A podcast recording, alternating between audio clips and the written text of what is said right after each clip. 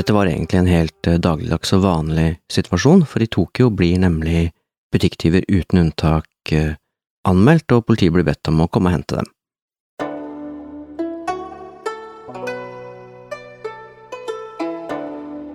Og det var nettopp det som skjedde her. En uh, ung og nyutdannet politibetjent ble anropt eller ringt opp, og kom til butikken og tok med seg butikktyven til politistasjonen.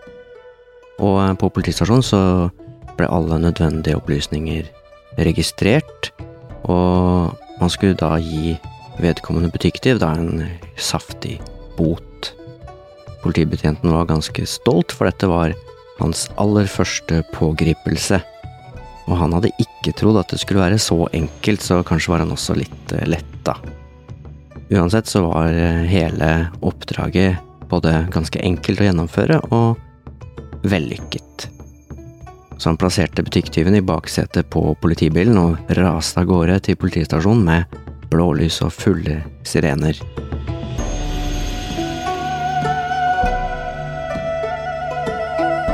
Og vel framme på politihuset så etterlot den ferske politibetjenten butikktyven sammen med de andre nylig arresterte personene som satt på et eget område på politistasjonen der.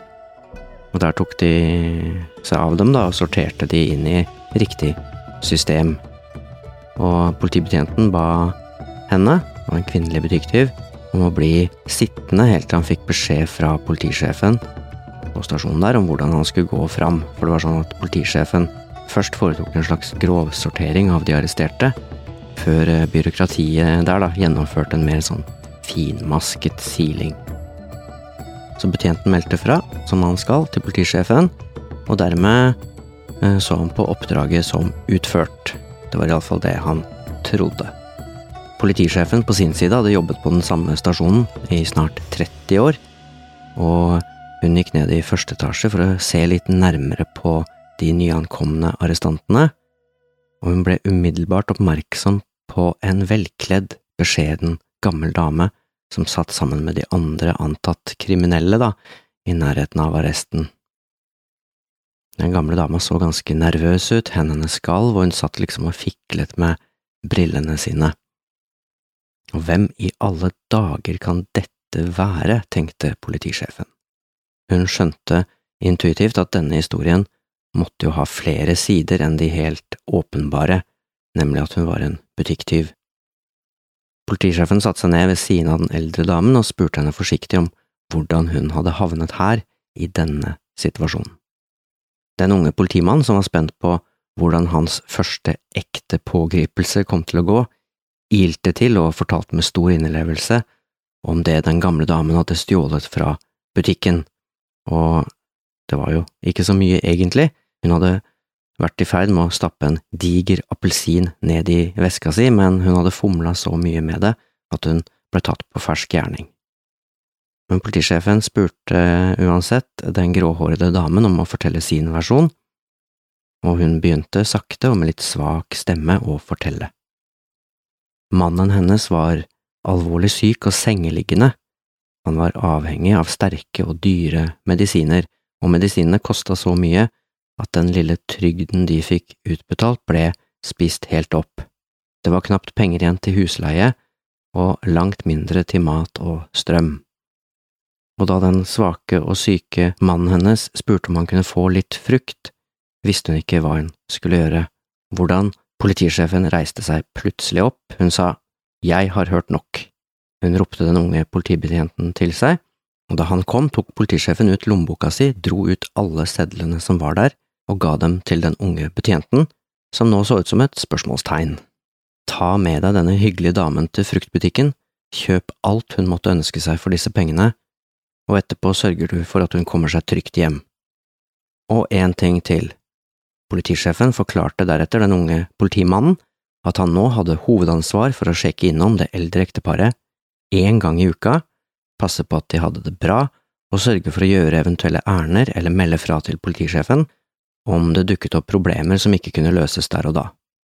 Det var en stående ordre, og den skulle følges opp i uoverskuelig framtid. Den eldre damen takket innstendig mens det rant noen tårer stille nedover kinnet hennes.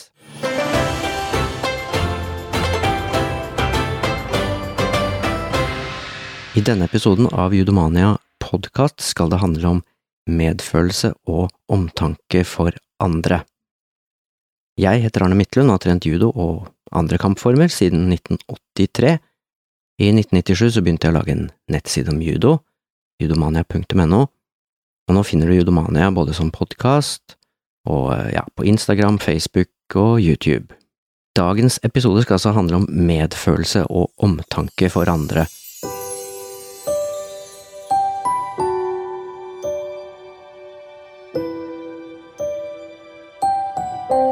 Og det høres kanskje lite ut som kampsport og selvforsvar og sånt, men det henger faktisk veldig nøye sammen. På japansk så kaller man, eh, eller man har egentlig mange ord for sånn omtanke og høflighet, men et ord som ofte brukes, er omoyari, og det handler om eh, gode manerer og høflighet. Og høflighet og gode manerer er noe enhver turist som besøker Japan legger merke til som en, en sånn utpreget, typisk og sånn totalt integrert del av det japanske samfunnet. Og så er det sånn at den høfligheten er ikke bare sånn overfladisk, men den skal, i hvert fall i ideell form, være et slags uttrykk for en sånn ektefølt velvilje og en indre sånn og inderlig omtanke overfor andres følelser.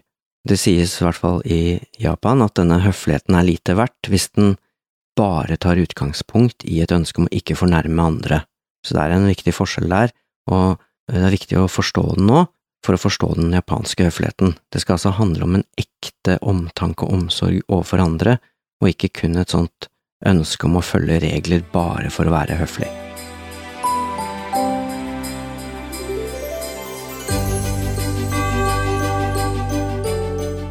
Så høfligheten man opplever i Japan skal altså ikke være en påtatt høflighet, men heller et uttrykk for en ektefølt omtanke for andre mennesker. Så det man faktisk gjør, eksempel å bukke dypt, er på en måte seremoni og innpakning, men alle ritualene da skal ha en reell nestekjærlighet som utgangspunkt.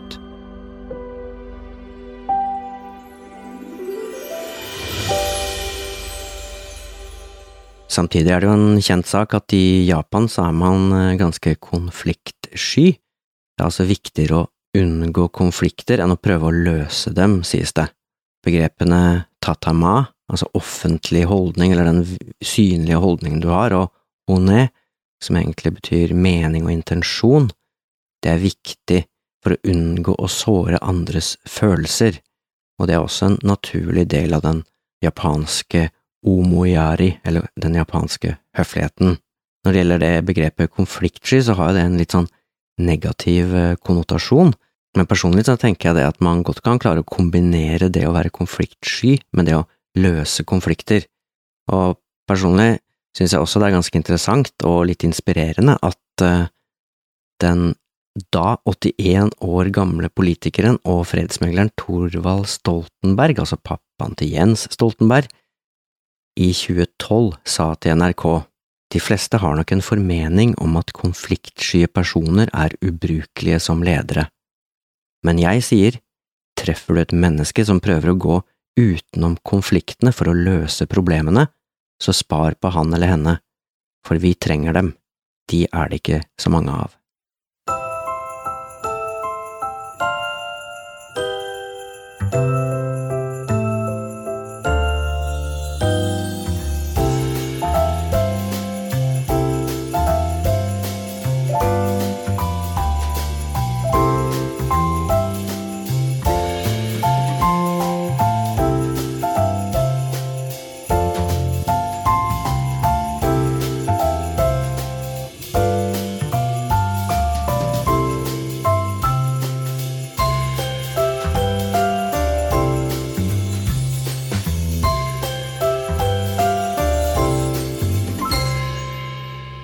Og så litt tilbake igjen til hvordan kampformer og kampsport henger sammen med nettopp det her med å være konfliktsky, ha omtanke for andre og medfølelse for andre.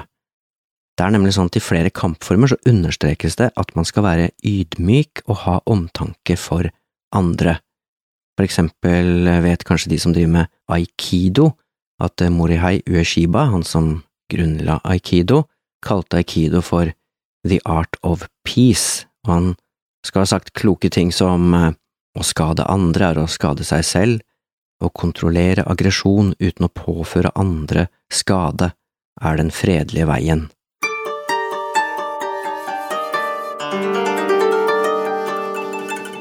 Og i judosammenheng så var Jigoro Kano opptatt av at judoutøvere skulle være samfunnsnyttige borgere, altså de skulle gi noe tilbake til samfunnet, og i begge de hovedprinsippene i judo så handler det om å utvikle seg selv for å kunne være til nytte for andre.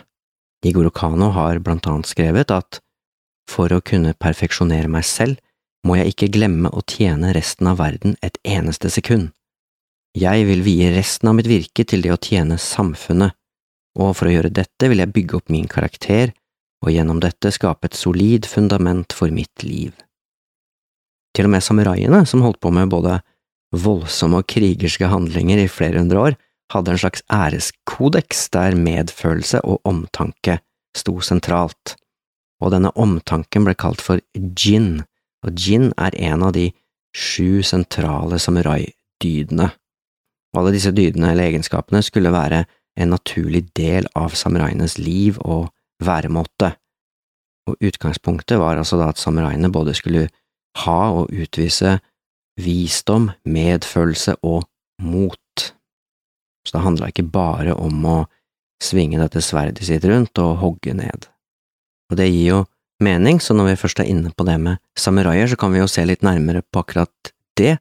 Eh, mange av oss forbinder nok samuraier med farlige krigere som var ekstremt gode med sverd, eh, og det er jo selvsagt riktig, men samuraier var jo mye, mye mer, og i det føydale Japan så var samuraier også en stor del av det mm, administrative styret i Japan, og i lange perioder så drev de med sivile, administrative og sosiale oppgaver som var mer til nytte for samfunnet de levde i, og som skulle liksom bidra til å styrke lederens posisjon i lokalsamfunnet.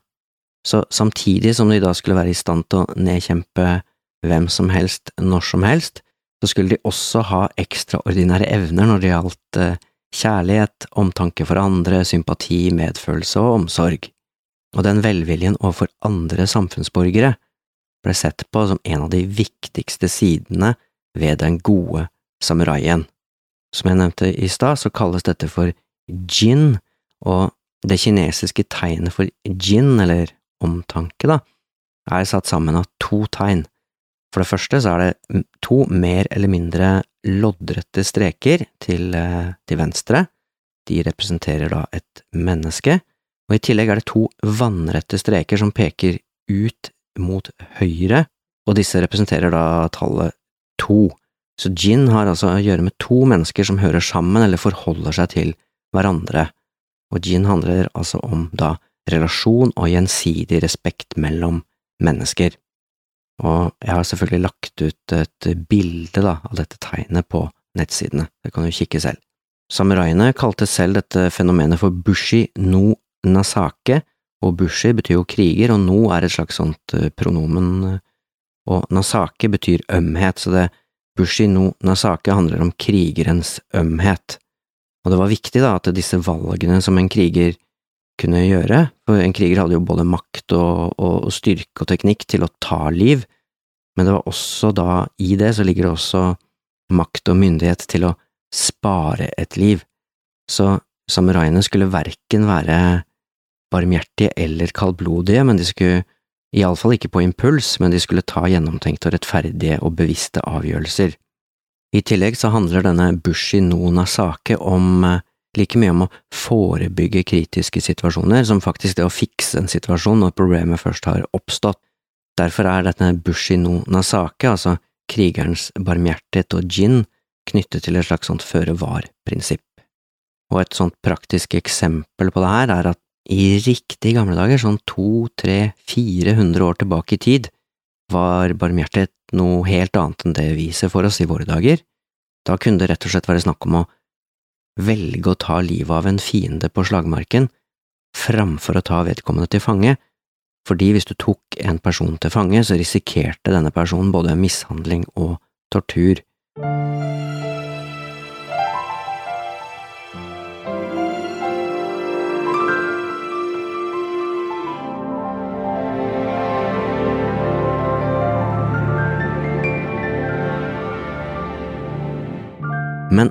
Vi lever jo ikke i eh, føydaltiden i Japan, vi lever i et eh, relativt moderne samfunn, og kan vi lære noe av det her?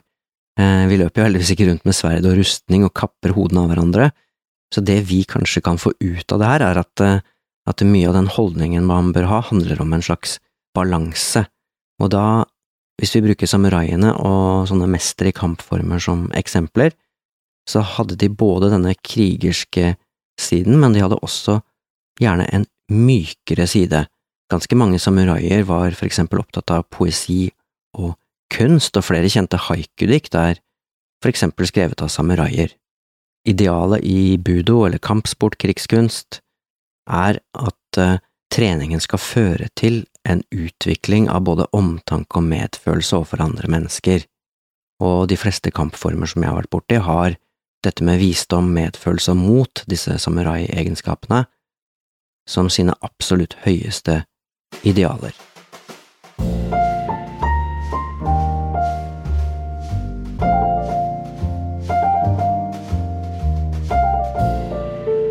Men er dette sant? Er det sånn at folk som trener kampform, også har mer medfølelse og sympati og omtanke for andre mennesker enn alle andre som ikke trener kampformer? Og til det kan man jo faktisk svare ja, og det kan man også bekrefte med forskning.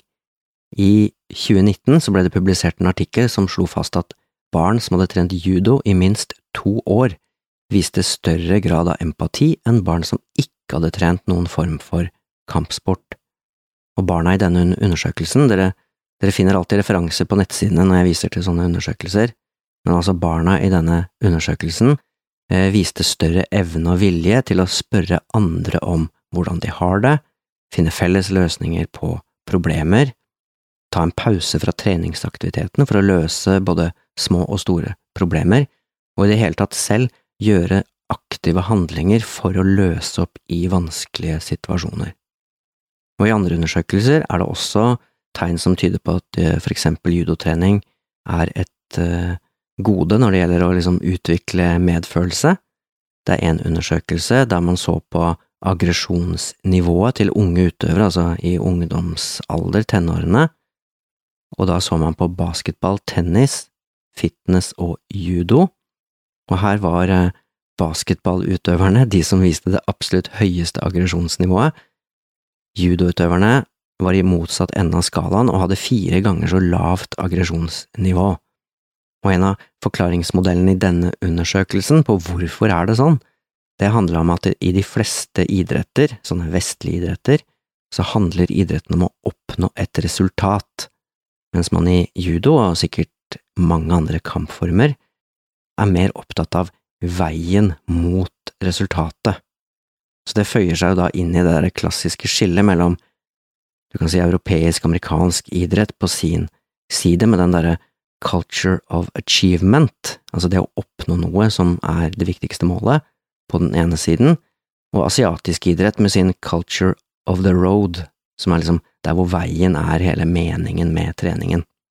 Nå skal det sies at det finnes også andre undersøkelser da, som viser eh, den motsatte effekten, eller at kampsport ikke har noen effekt eh, på dette med medfølelse i det hele tatt. Men de aller fleste undersøkelsene jeg har funnet, viser altså at det å trene kampsport bidrar til å øke utøvernes medfølelse og omtanke overfor andre, og samtidig så kan det også redusere tendensen man måtte ha til å være aggressiv.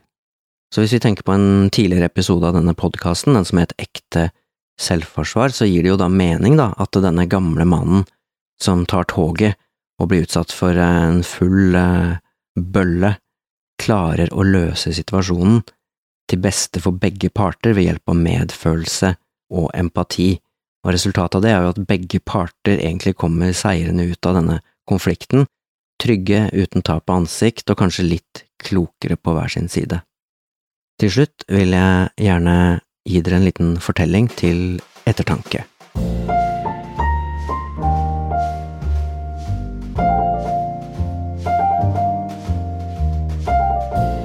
En venn av meg jobber som lærer på barneskolen, og noen av barna hun underviser er flyktninger fra krigsherjede områder, og i en av timene var tema brøkregning, Hun tegnet eh, og forklarte og viste, sånn som man skal, eh, hva en halv er og hva en kvart er.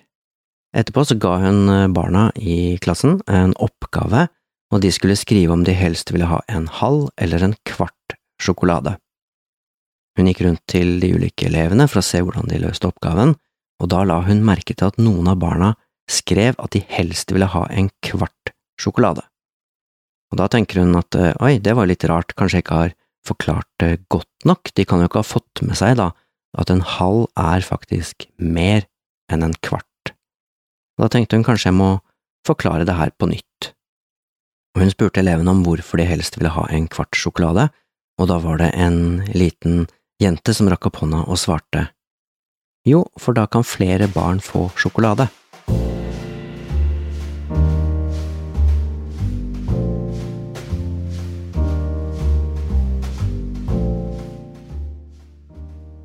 Med det er det på tide å avrunde denne episoden. Likte du det du hørte? Tips gjerne andre om Judomania.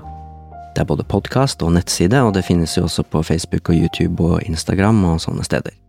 Det var alt for denne gangen. Takk for at du hørte på. Ha det bra.